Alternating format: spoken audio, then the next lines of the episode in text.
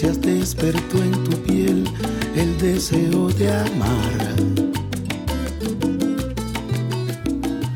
Je bent wat je eet. Dat wil zeggen dat hoe en wat je eet beïnvloedt hoe jouw lichaam eruit ziet. Het beïnvloedt ook je emoties en wat je uitstraalt. Je voeding bepaalt je lichaam, maar dus ook je gevoelens. Wist je dat 90% van serotonine in je darmen wordt geproduceerd? Lanker vertelt welke mineralen onmisbaar zijn en hoe je hieraan kunt komen. En ik heb wel een paar vragen. Hoe zit het bijvoorbeeld met mensen die alles kunnen eten wat ze willen en toch zo dun blijven, terwijl anderen flink aankomen? En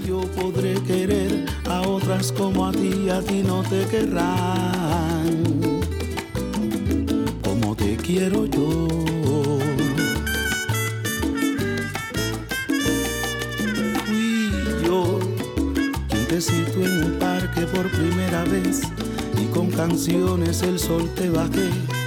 Ese fui yo. Hey man, Hey dochter, goedemorgen. Het is nog ochtend. Ja, normaal zitten we smiddags en nu zijn we s'morgens. en we zitten nu zelfs in hetzelfde huis. Hoe gek is dat? Nou, in ieder geval, in ieder geval eh, zitten we inderdaad eh, op, hetzelfde, op hetzelfde terrein, want ik kan je nu niet zien. Dus jij zit ergens boven en ik zit ergens beneden in mijn praktijk. dus het is wel heel grappig om inderdaad eh, te weten dat je op hetzelfde terrein bent en toch ja, op afstand verbonden zijn we altijd. En nu is het weer anders dan anders. Dat is altijd weer Ja. leuk. Precies. Ja. Goedemorgen, hoe gaat het met je? Goed, we hadden gisteren natuurlijk echt een bijzondere dag samen met jouw workshop. Ja. Op de geluksdagen. Dat was eh, erg leuk. Past ook mooi bij de naam van onze podcast trouwens. Ja, dat Ehm, was echt een ja. bijzondere ervaring. eh, die geluksdagen, vrijdag en zaterdag, komt volgend jaar natuurlijk weer. Eh, georganiseerd door Jasper Egging en, eh, en met alle collega's eh, samen. En eh, jeetje, wat was het gaaf om de workshop in een nieuwe stijl te doen. En eh, ik vond het ook heel spannend. En eh, zonder slides en, en, en zonder blaadje. En gewoon vertellen, verhalen. Ondersteund door geweldige muziek. En eh, nou, als mijn grootste criticaster eh, daar complimenten van krijg, en je weet wie dat is, dan heb ik het goed gedaan. Ja, en ook bijzonder. Het was eigenlijk een soort van muziekfestival. Met verschillende podia, maar dan met workshops. Ja. Ja, spiritueel werd wel eens, eh, lieten ze wel eens vallen. Maar het ging ook heel praktisch over koken, smaken ontdekken. Het was eigenlijk heel, eh, ja, heel erg divers. Ja, dat komt ook omdat de doelgroep ook echt het, eh, ook, ook echt het bedrijfsleven is. Dus, hè, dus is ook echt een heel, weer een heel ander publiek dan bijvoorbeeld op het Happiness Festival, op het Yoga Festival. Dit is echt meer het bedrijfsleven wat we aan willen spreken. En eh, ja, het valt me inderdaad op dat, dat de term spiritueel vaak gebruikt wordt. Want het is niet wat ik in mijn praktijk überhaupt gebruik. Maar ja, blijkbaar kan dat dan in, in, in deze omgeving dan weer net wel. Dus en je, zult, je ziet dus ook dat mensen die, eh, die hoger in het bedrijfsleven staan, dus die, die die visie hebben en die ook kunnen uitdragen in hun bedrijf, dat ze toch ook ja, vaker na moeten denken over hoe ze dingen vorm willen geven. En er zit toch ook altijd, ja, hoe zeg ik het nou, een mensvisie bij? Of hoe moet je dat onder woorden brengen? Ja, of een persoonlijke ontwikkeling. Een bedrijf is natuurlijk niet zomaar een businessplan en dat uitvoeren. Je komt daarin denk ik ook enorm jezelf tegen. En je moet gaan nadenken over hoe je jezelf neer wilt zetten. En ja, dat het heeft toch altijd wel een spirituele kant, denk ik. Stiekem. Of je het nou zo wil noemen of niet. Ja, je hoeft het zo niet te noemen, maar je merkt inderdaad, er waren ook heel veel mensen van, eh, van de BNI bijvoorbeeld, ook zo'n groot bedrijf, eh, netwerk. Eh, en je merkt het inderdaad, als jij je eigen bedrijf neer wilt zetten, ja, dan moet je meer nadenken, alleen al van, ja, wat voor product wil ik? Ja, waarom wil jij dat product? Dus het heeft, een bedrijf is altijd met jou verbonden. En dat vind ik zo mooi. Ja, dat vind ik echt heel erg mooi. Ik heb ook heel graag uh, ZZP'ers in mijn praktijk als cliënt, omdat het uh, als je het over duurzaam gezonder worden hebt, ook altijd gaat over regie en regie willen hebben. Um, ja, maar we hebben vandaag wel een bepaald onderwerp, hè? Ja, precies. Want we zijn samen gisteren ook bij een iemand anders workshop geweest. En dat ging meer over smaken ontdekken, ook vooral in de keuken, zelf koken. En daar zaten nogal wat mensen die eigenlijk helemaal niet van koken houden. Of naar eigen zeggen helemaal niks afweten van koken, smaken. Ze kunnen wel een bord voorgeschoteld krijgen en dat vinden ze dan wel lekker of niet lekker. Maar um, ja, ze konden eigenlijk nog geen kruid opnoemen. En dat vond ik zo apart, want uh, we zijn in deze tijd nogal vervreemd eigenlijk van iets wat vroeger, heel erg ver vroeger, ons het meest natuurlijk afging. Namelijk eten, eten verzamelen, eten herkennen. En nu zijn we daar nogal van vervreemd. Ik geloof dat uh, de gemiddelde tijd dat die we besteden aan koken in Nederland 20 minuten is, klopt dat? Ja, ja, ja, dat ja. zei ze. Ja. Veel uh, kant-en-klaar maaltijden. En uh, ik vind die vervreemding nogal interessant, want ja, we zijn wat we eten, toch? Ja, dat, en dat, dat kun je spiritueel opvatten, maar ook gewoon louter fysiek. Want ja, je lichaam bestaat uit cellen en die cellen die hebben een enorme ver, vernieuwingstempo. En die moeten zich vernieuwen uit de, grondst uit de grondstoffen, de voedingsstoffen die je binnenkrijgt. En uh, ik vond gisteren inderdaad heel bijzonder dat er in de workshop waar we, waar we waren, heel wat uh, met name mannen uh, aanwezig waren die inderdaad nog niet veel van kruiden weten. Ik vond het ook heel aandoenlijk en ook echt heel leuk dat ze erbij waren. Um, maar ja, ze zeiden dus zelf dat ze er niks van af wisten. Maar weet je, ze hadden elke keer wel een lievelingskruid. Ja, precies. Dat ene kruid wat dan misschien uh, vroeger bij hen thuis of mee werd gekookt of zo. Ja, de een die had het over kaneel en de ander die had het over oregano. Ja, inderdaad. En, en ja, weet je, en, en dan is het altijd weer van, ja, hoe, hoe, kun je, hoe kun je dan jezelf begeisteren? Of hoe kun je jezelf um, blij. Want hij zag dan, die man zei tegen mij: Ja, ik zie dat jij helemaal blij wordt van al die kruiden. Maar ja, ik snap er eigenlijk helemaal niks van. Leuk om jouw blijdschap te, te zien hoor. Maar ik voel hem nog niet. Dus dan is mijn vraag altijd weer: hoe kun je dan uh, zo'n zo, zo man meenemen in de gevoelswereld? Ja, zeg ik het nou goed of niet? In de gevoelswereld van de kruiden. Ja, of überhaupt gewoon in de gevoelswereld van eten bereiden voor jezelf. Want die kruiden is er dan een onderdeel van, waar we het al gisteren over hebben gehad. Maar we hebben het ook gehad over verschillende groentes. En, en toen zei die man die naast mij zat, ja, ik had eigenlijk wel gehoopt op een broodje, broodje kroket vandaag. En ik wil wel heel graag gezonder eten, maar dit is toch waar ik eigenlijk het meeste zin in heb. En dat vind ik wel zo apart, want ons lichaam, dat weten we eigenlijk wel zeker, draait veel beter op broccoli dan een broodje kroket. En toch hebben we daar dan wel zin in. Uh, maar als je nadenkt, we zijn wat we eten, dat broodje kroket wordt jouw lichaam. Ja, van dat idee word ik nou niet per se blij. Ik kan me voorstellen dat je daar niet blij van wordt. Uh, maar wat ik altijd van hou, is, is aansluiten bij, uh, bij iemands verlangens en behoeftes. En inderdaad, de workshop die we zelf gevolgd hebben, daar zat dus die man die behoefte had aan een broodje kroket. In de workshop die ik zelf ge gegeven uh, heb, zat een vrouw die zei van ja, ja, ik, ik heb gewoon echt geen zin om s'avonds nog eten te koken. En, en dan kan ik wel mezelf gaan forceren om dat te gaan doen. Maar ja, hoe doe ik dat dan? En weet je, en dat is eigenlijk hetzelfde als met die kruiden, ook met groentes, überhaupt eten, eten voor jezelf voor, uh, voorbereiden. Begin daar waar jij behoefte aan hebt. Dus ja. als die man behoefte heeft aan een broodje kroket, nou, neem dan dat broodje kroket. Want ja, je kunt je behoefte niet, je kunt het misschien uitstellen, hè, maar je kunt er wel iets naast gaan zetten. Dus zeg dan, oké, ik neem een broodje kro kro kro kroket. Sorry, ik blijf even hangen. maar neem er dan een, uh, salade bij. En als je er geen zin hebt om een salade klaar te maken, weet, weet ik veel, dan koop je gewoon een eentje in de Jumbo of de Albert Heijn. Ik zal geen reclame maken voor supermarkten, maar heel veel supermarkten hebben, hebben verse salade staan. Um, ja, ik, ik vind het gewoon heel gaaf als, je, uh, als, als ik, als we aan kunnen sluiten bij de behoeftes van mensen die er zijn. Dus hè, als zo'n zo'n man behoefte heeft aan een broodje kroket, laten we dat dan in vredesnaam doen. En uh, laten we daarvan genieten. Want dan ga je zintuigen al, uh, al open. En dat is heel belangrijk om van eten te genieten en ook om smaken te gaan leren onderscheiden. Maar zet er dan bijvoorbeeld iets naast. Hè, dus zet er dan een salade naast. En die kun je natuurlijk zelf maken, maar je kunt hem ook gewoon kopen in de supermarkt. En uh, natuurlijk zijn er puristen onder ons die zeggen van ja, wat zit er in de salade in, in de supermarkt? Wat zit daar nog aan, vitamine en mineralen in? Maar waar het om gaat is dat je je mindset mee wil nemen in de verandering die je doormaakt. En als jij al gewend gaat raken van, oh ja, broodje kroket, oh daar heb ik echt zin in een salade daar, daar, daarbij. Als je, als je daar naartoe kunt ontwikkelen, heb je al een, heb je al, al een winst. Ja. Dus je moet ergens starten. En dat was hetzelfde als die vrouw die bij mij in de workshop zat. Die zei, ja, ik heb s'avonds echt geen zin meer om te koken. Ja, begin dan daar waar je wel zin in hebt. Dus ik zei tegen haar, ja, pak dan gewoon diepvriesgroenten. Ja, want het is natuurlijk de neiging die je hebt, is natuurlijk om aan te pakken waarvan je denkt dat het moet. Van ik heb geen zin om te koken, maar ik zou er toch wel zin voor moeten hebben.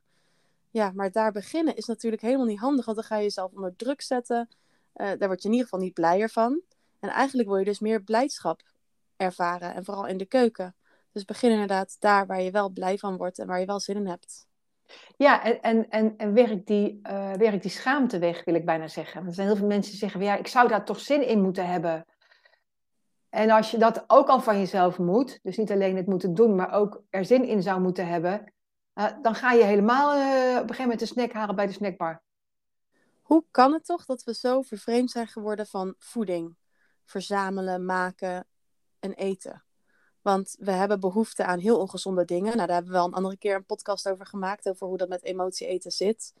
Dan heb je dus uh, ergens anders, ben je te veel uit balans geweest misschien overdag. Of uh, ja, ben je veel te moe of zet er stress of druk op je. Of er zitten natuurlijk heel verslavende stofjes in, zoals suikers en weet ik veel wat. Maar hoe kan het toch dat voeding zo'n kleine rol in sommige leven speelt en dat we er ook helemaal geen joy meer uithalen? Want het is toch iets wat helemaal natuurlijk bij ons hoort? ik vind het echt heel leuk, want jij bent natuurlijk mijn dochter, dus ik heb je ook op een bepaalde manier opgevoed, zodat je dat ook voelt en weet. Maar weet je dat toen ik jong was, uh, weet ik veel, acht of zo, dat ik echt dacht dat de aardbeien in bakjes aan de, aan de bomen groeiden. Ach ja, dus daar begint het al. Ja.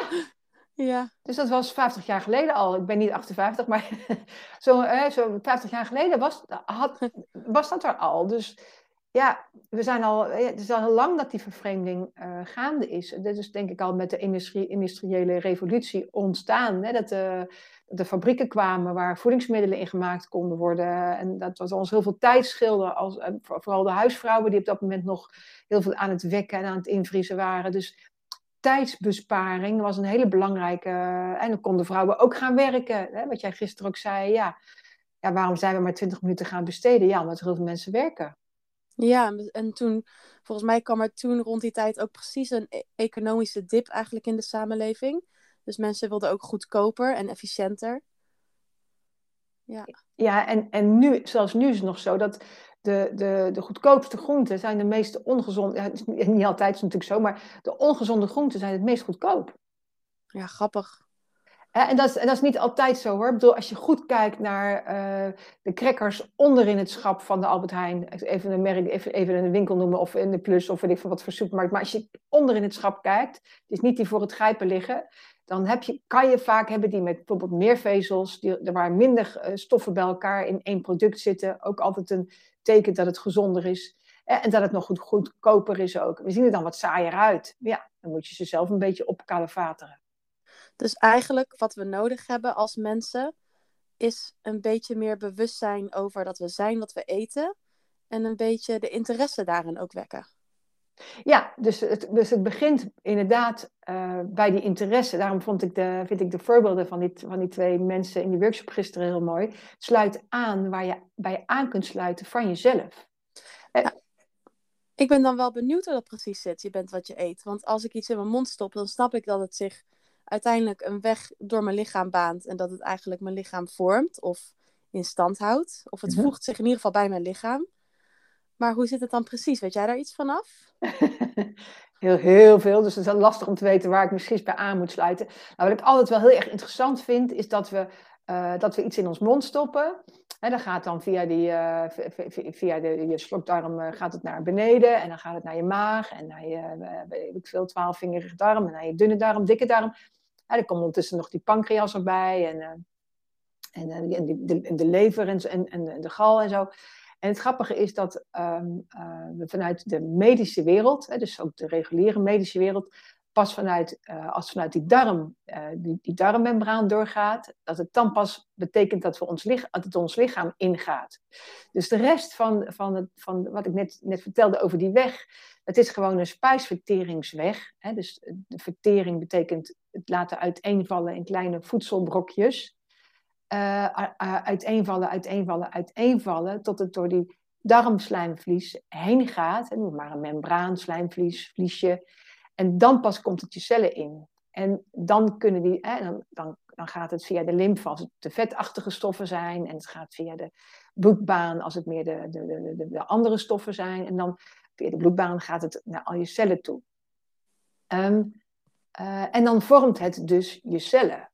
En uh, wat ik altijd een heel mooi verhaal vond, is, uh, volgens mij, heb ik dat wel eerder verteld, ik weet het niet, maar is het verhaal over vet. kan je nog herinneren dat ik dat eerder verteld heb? Ja, jawel. Hè, dus die, die vetvertering en dan over die, in die cel. En dat je dus inderdaad een, een membraan of een wandje rond die cel hebt. Dat, dat verhaal ken je? Nou nee, vertel het nog maar even opnieuw. Maar dat heb ik wel weer vergeten. Oké, dus we hebben vetten. En, en vetten bestaan ook uit verschillende uh, onderdelen, verschillende stoffen. dus, en we hebben natuurlijk verschillende soorten vetten. We hebben het harde vet, het verzadigd vet, wat bij kamertemperatuur vast is. Denk aan roomboter en kokosvet. En we hebben de onverzadigde vetten, die zijn bij kamertemperatuur vloeibaar. Ja, alle oliën bijvoorbeeld. Even heel simpel on onderscheid, je kunt nog veel meer onderscheid maken. Mm en maar vast en vloeibaar vet. In dat vloeibaar weer de omega-6 en omega-3 en zo.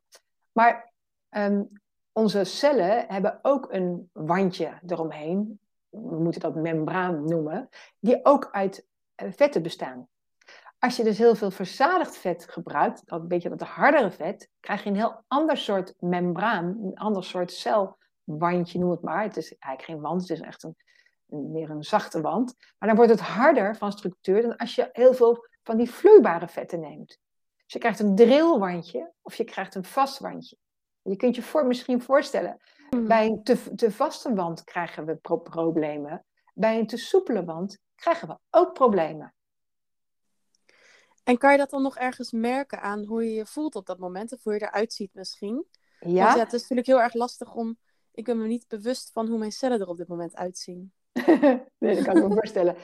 Ja, eh, eh, bij jou zien ze er goed uit. Je ziet het ook aan je huid, je ziet het ook aan je uitstraling. Uh, want uh, ik, ik, ga, ik ben misschien een beetje bot, maar het grote nadeel van jouw voedingspatroon op dit moment is dat je vegan uh, eet.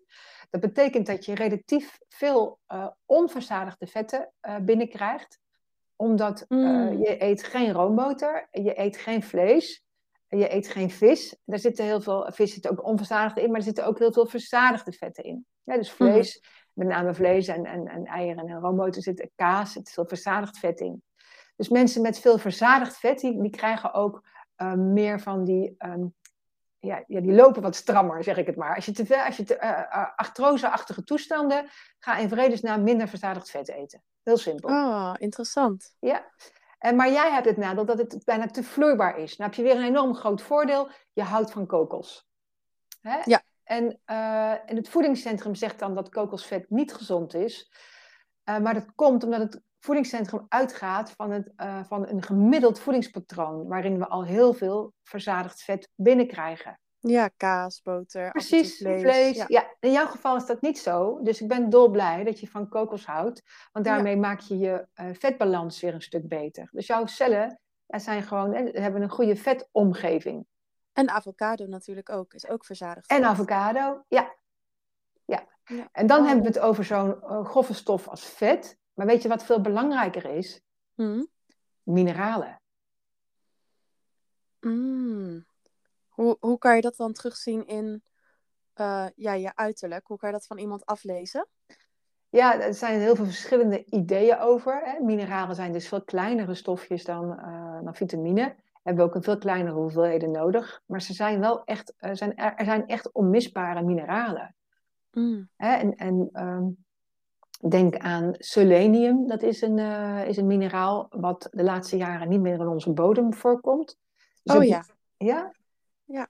Heb je dat wel eens gehoord? Weet je, weet je ook welke voedingsstoffen ik aanraad, om, of voedingsmiddelen ik aanraad om selenium binnen te krijgen? Uh, was dat tahin toevallig? Nee, nee, oh. nee, nee, nee. dat is weer voor de magnesium-calcium verhouding. Oh, ja. nee, selenium oh, ja. is echt uh, paranoten, die kun je dan niet eten. Nee. Uh, maar ook kokos, en die eet je dan weer wel, maar ook de kokosvezel. Dus de kokosvezel en de paranoten.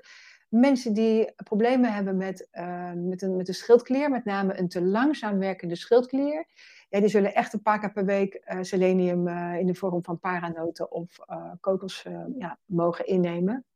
Want dat, ja, dat werkt daar gewoon heel goed op. Maar eigenlijk alle vrouwen die richting overgang gaan, waar die schildklier altijd wel uit balans kan raken, is dat gewoon een heel belangrijk voedingsmiddel.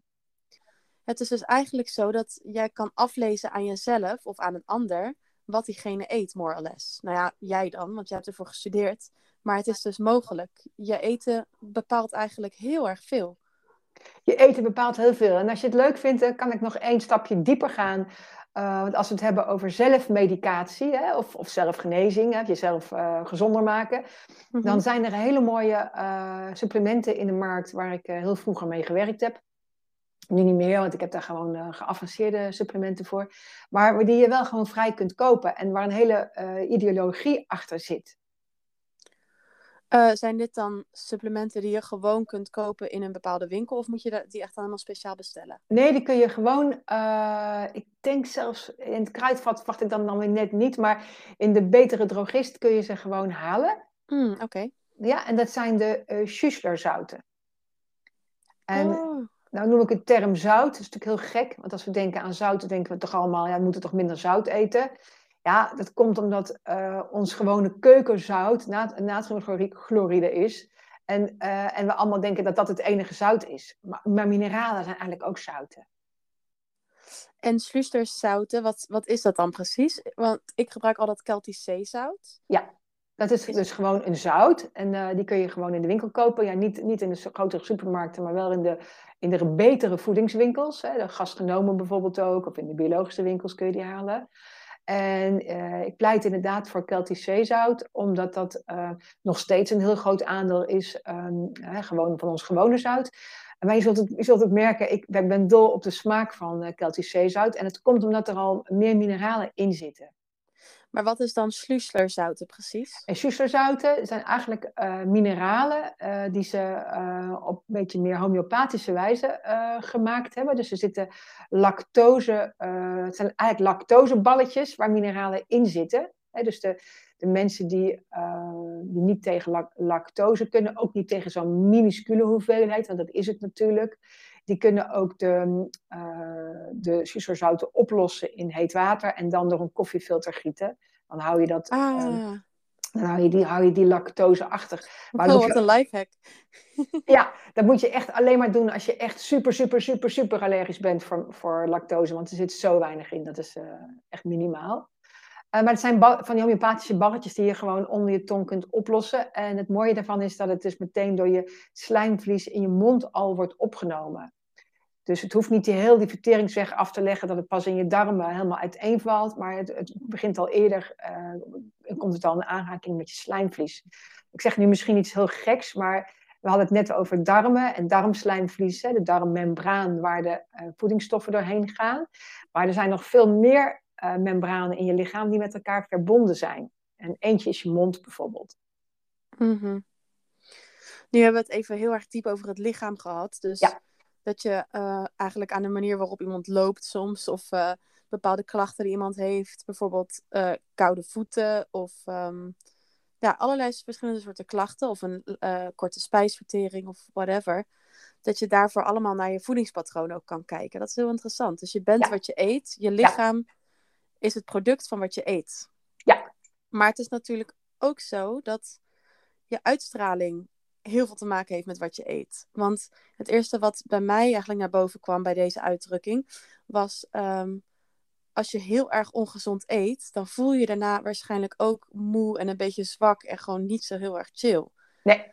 En soms is dat helemaal lekker. Het is niet altijd heel negatief, want als je lekker met een kater wakker wordt, dan wil je ook gewoon lekker dat gevoel hebben of zo. Mhm. Maar het is natuurlijk wel interessant dat het ook met je gevoel echt te maken heeft. Ja, ik moet, ik moet meteen denken aan, aan als je dan uh, lekker veel emotie hebt, hebt gegeten of veel gedronken of veel hebt gesnackt, dat je je een beetje pappig voelt. Ja, vooral na alcohol inderdaad. Dan krijg je natuurlijk een kater. Ja. dat is natuurlijk ook weer heel lichamelijk. Ja. Maar uh, soms voel ik me niet eens lichamelijk heel erg katerig, maar ben ik vooral ook echt chagrijnig of weet ik veel wat. Gewoon niet Ja. geïnspireerd. Nee, en dat kan je dus door voeding wel beïnvloeden. En dat, dat eh, ik noem het maar even pappige, dat straal je natuurlijk dan ook uit. Dus ja, wat wil je uitstralen? En ehm, ik vind het wel heel mooi, we hebben het over sluiselmineralen gehad. Nou, daar kun je inderdaad nog heel ver op doorgaan. Er zijn sluiselmineralen die, hè, er zijn allerlei verschillende eh, soorten die voor verschillende klachten eh, goed zijn. En dat kunnen mentaal-emotionele klachten ook zijn. Dus het kan inderdaad koude voeten zijn, maar het kan bijvoorbeeld ook ehm, benauwdheid of je claustrofobisch voelen. Hè? Dus daar kan je ook mineralen voor innemen. Dus dan weet je eigenlijk al uitstraling, dat wat je voelt, uh, lichamelijk, maar ook wat je voelt en mentaal, emotioneel, uh, ja, hangt met elkaar samen. En dan kun je dus door mineralen beïnvloeden. Ja. Gisteren viel ook die stelling, um, waar, of de vraag eigenlijk, waar je de meeste serotonine wordt geproduceerd. En 90% uh, wordt geproduceerd in jouw lichaam, in je darmen. Klopt dat? Ja, dat is een grote hoeveelheid, hè? Ja, precies. Want als ik dan denk aan mensen met depressie bijvoorbeeld, ja, dan ga je snel over het hoofd nadenken. Meteen valt wel het tekort aan serotonine als onderwerp. Um, of dat natuurlijk zo is, dat kan je niet heel erg goed meten, heb je al eerder aan ons verteld. Mm -hmm. um, maar goed, stel dat het wel echt over een tekort aan serotonine gaat, of dat het daar echt over gaat, dan gaat het dus ook weer over je eetpatroon. Want je serotonine wordt in je darmen geproduceerd. Ja, en, en het reguliere circuit is, uh, is al wel zover dat ze mensen met uh, uh, chronische darmproblemen, dus colitis ulcerosa of, of dus de, de, de darmontstekingen, dat ze daar ook antidepressiva voor, dat zijn de meest, mensen die meestal ook antidepressiva slikken. Dus ze weten al wel ah. dat, dat die samenhang er is. Jeetje, wat interessant zeg. Ja, ja, ja. Die, die, die, die darmen zijn veel belangrijker dan we ons, dan we ons realiseren. En ook uh, ja, en je, je, het is natuurlijk voor sommige mensen die heel erg zijn gewend aan heel veel snacks eten en, en, en, en uh, kant-en-klaar eten, die, die, daar zul je de darmen ook weer uh, ja, klaar moeten gaan maken voor de betere vertering. Je kunt daar niet opeens hup naar gezondere salades overstappen. Dat gaat niet. Nee, dat je daar niet aan. buikpijn. Ja. ja. Ja. ik vind het interessant. Wat is er nou eerder, het kip of het ei? Want een vriendinnetje van mij, zij is best wel een beetje anxious of een beetje nou ja, er zijn zo wat dingetjes. en ze eet ook heel erg veel verschillende snacks de hele dag door. En best wel een beetje ongezond ook. En wat is er dan eerder, het kip of het ei? Ja, dit is lastig. En, en uh, waar het om gaat, is dat je uh, je primaire her hersenen, je, prim primitieve hersenen, die willen je eigenlijk in de loop houden. Dus je wil misschien wel in de loop houden van ongezond en anxious. Gek hè? Dus dat, dat, wil het lichaam, dat wil het lichaam elke keer weer. Dus je zult je bewustzijn erbij moeten pakken, je mensenhersenen erbij moeten pakken, om om een stapje buiten die gewoontestructuur te doen. Want je zegt ergens wel van, ik wil gelukkiger worden of meer ontspannen, of je weet het ergens wel, maar om die loop te, te doorbreken is echt niet makkelijk. Daar mogen we echt uh, uh, ja, meer begrip voor hebben, voor naar elkaar, maar ook, uh, maar ook voor onszelf. Maar hoe kan het dan dat jouw primitieve brein je in een loop wil houden? Dat is toch juist helemaal niet overlevingsslim? Ja, zeker wel. Want je, als je, je, je wil weten waar het, waar het gevaar vandaan komt. Dus je gewoon uh, zomaar veiliger gaan voelen, dat kan niet. Want je wil je ogen op het... Kijk, stel je voor dat je, dat je twee kanten op, op kunt kijken. Je kunt, je kunt kijken naar rechts, dat is onveilig. Je kunt kijken naar links, dat is de veilige hoek. Dus rechts is onveilig, links is veilig. We zeggen allemaal dat we naar links willen. Maar we willen wel die onveiligheid in de gaten houden. Ja. En dan, maar misschien, ja, oké. Dat is best wel interessant. Dat is een interessante, hè? Dus je wilt je eigenlijk wel naar links begeven, maar je wil rechts niet verliezen. En je zult iets moeten loslaten om, om ook meer in die veilige hoek terecht te moeten komen. Dus als je zeg maar best wel eigenlijk gestrest in het leven staat. Of nogal wat dingen misschien spannend vindt. Of dat nou onbewust of bewust is. Maar graag de controle hebt bijvoorbeeld over je omgeving. Of zo. Dan is het dus heel erg lastig. Dan is het handiger voor dat deel van jouw brein om daarin te blijven zitten. En dan maar ongezond te eten om het een soort van te compenseren. Om je ook weer fijn te voelen. Ja. Dan om het echt structureel aan te pakken. Want dan moet je inderdaad ook... Ja, toch voor je idee hou je dan je ogen van het gevaar af. Precies, dat is, dat is doodeng. Dus het is doodeng om, om minder je ogen op onveiligheid te richten. Grappig, hè? Mm, ja, heel erg. En, en, en, weet je, voor, voor, voor gevoelige mensen is dat natuurlijk weer veel spannender dan voor niet-gevoelige mensen. Maar, uh, maar gevoelige mensen, die, die, ja, dat is wel mijn, mijn hardcore doelgroep. Omdat uh, ja, die hebben nu eenmaal een enorme potentie tot een enorm gezonde darm. En ook uh, ja, om zich nog veel beter te gaan voelen. Dus daar, daar zit die, um, dat potentieverschil, de potentie om je echt veel beter te gaan voelen, zit daar juist heel sterk in. Want ja, je bent gevoelig. Ja, dus je merkt heel snel op waar je inderdaad nog gezonder kan worden. Ja, Ja, Ja. Je, je weet het eigenlijk wel. Dus, maar daarom zeg ik ook, ja, iedereen neemt zijn eigen stappen. Dus als jij begint met, als, je, als jij inderdaad vraagt van, ja, ja ik, ik hou niet van koken en, eh, en ik vind het eigenlijk vervelend. Maar ja, daardoor val ik juist eerder terug in het, eh, in het snacken of, of in het, eh, weet ik veel wat je dan doet. Ja, begin dan bij diepvries. Maar het maakt niet uit. Maar, maar begin waarbij jij kunt beginnen. Ik heb nog een heel erg interessante case study. Mhm. eh, wat voor mij echt een raadsel is. Want oké, je bent wat je eet, zowel lichamelijk als ook emotioneel. Eén goede vriend van mij eet echt zo ongezond, daar word je bang van. Mhm. En eh, ja, hij is toch altijd zo blij. Hij inspireert me altijd maar weer met zijn blijheid en eh, ja, inspiratie ook. Gewoon echt enorm enthousiast en staat gezond, emotioneel gezond in het leven. Maar dat voedingspatroon, daar word je echt helemaal bang van. Zo gek, ehm, is die ook heel slank?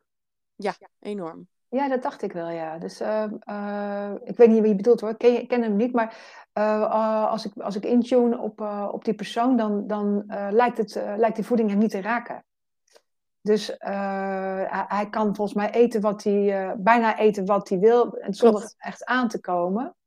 En dat is een, een hele gekke. Ehm, maakt mij wel heel eh, erg geïnteresseerd in die persoon, omdat eh, het bijna lijkt ja, alsof hij zo ehm, afgesloten is voor bepaalde negatieve invloeden, eh, dat het hem echt niet raakt. Ja, dus, dus, ehm, eh, maar hoe zit dat dan echt in die binnenkant? Zie, zie, je een soort van harde noot voor je, zeg maar, hè?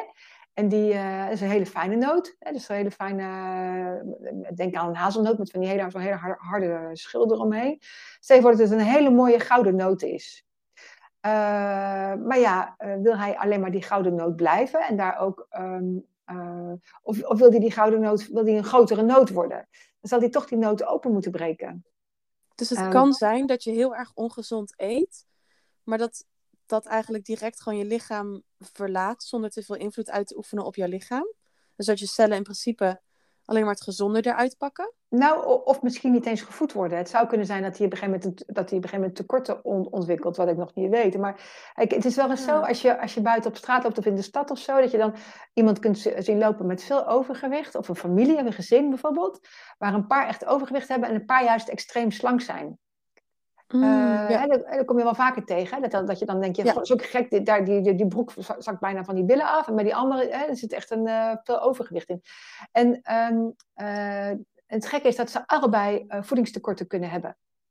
Want bij het van overgewicht, ja, die, daar staan die cellen ook niet meer open. Die krijgen ook niet meer de juiste voedingsstoffen binnen. Dat insulinesysteem is zo overprikkeld geraakt. Hè? De insuline, door, door de hoeveelheid suikers die binnenkomen, hoeft niet eens letterlijk suiker te zijn, hè, maar kan ook door brood. Hè? Dus, dus, als je, hè, dus er kan voor allerlei, er zit overal suiker in, waar wij zo spreken. Maar die, die, die is overprikkeld geraakt, waardoor er ook voedingstekorten kunnen ontstaan.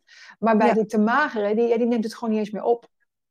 Nee, en dan ervaart hij daar dus ook weinig emotionele ballast van. Want het wordt dus helemaal niet eigenlijk door zijn lichaam opgenomen. Nee. Maar wat wel zo is, als ik dan een keer eh, lekker heb gekookt of zo met heel veel salade, heel veel groenten, dat hij zich dan wel echt heel erg goed voelt daarna. Dus ja, hij heeft zeg maar wel ervaren dat hij zich heel erg goed kan voelen met gezond eten. Nou, het zou ook kunnen zijn, daar ben ik dan nieuwsgierig naar, ik zou die persoon wel willen leren kennen, is dat hij dan eh, zich ook meer ontspannen gaat voelen. Want hij is, of hij of zij, ik denk dat het een hij is, ik weet niet waarom, maar ehm, dat het een, ik zie er niks een harde noot vormen. Dus een noot, een noot die niet snel geraakt wordt. Om hem te kunnen raken, moet je van goede huizen komen. En als die geraakt wordt, dan kan die noot zich gaan ontspannen. Maar dan kan hij in feite nog veel meer eh, zichzelf ontwikkelen en ontplooien. En eh, hij, heeft, hij of zij heeft de wereld echt wel eh, nog veel meer te bieden. Maar zijn overlevingssysteem is, is geweest er een harde noot van maken. Snap je Ja, daar iets van als ik het zo zeg of niet? Ja, eigenlijk wel. Ik ga misschien hier nu niet meer delen ten behoefte van de privacy, maar ah ja, heel interessant hoe dat dan weer werkt. Ja, Dus je bewust worden van wat je eet, maakt je bewust van welke keuzes je maakt. Ja. Want, ehm, ja, want hij kiest er dus voor steeds om heel ongezond te eten. Is er wel zich bewust van dat gezond eten hem ook echt veel beter laat voelen. En dus ook nog een leukere uitstraling geeft. Dus daar ligt echt een heel erg grote potentie voor iedereen. Van wat eet je en waarom? En ben je er bewust van dat dat ook jou wordt, wat jij op je bord hebt liggen. Ik ga vandaag of de komende tijd eens proberen de focus te leggen op dat wat er op mijn bord is, ligt, dat dat ook mij wordt. Maar ik ga wel ook proberen om niet heel erg streng of zo dan te zijn. Want dat is natuurlijk het gevaar. Dat je gaat denken van, oh, dat moet ik helemaal niet eten, want het is uh, ongezond en dan word ik dat straks. Nee, ik ga wel mezelf lekker tracteren op wat ik wil. Maar het is wel een leuk bewustwordingsspel.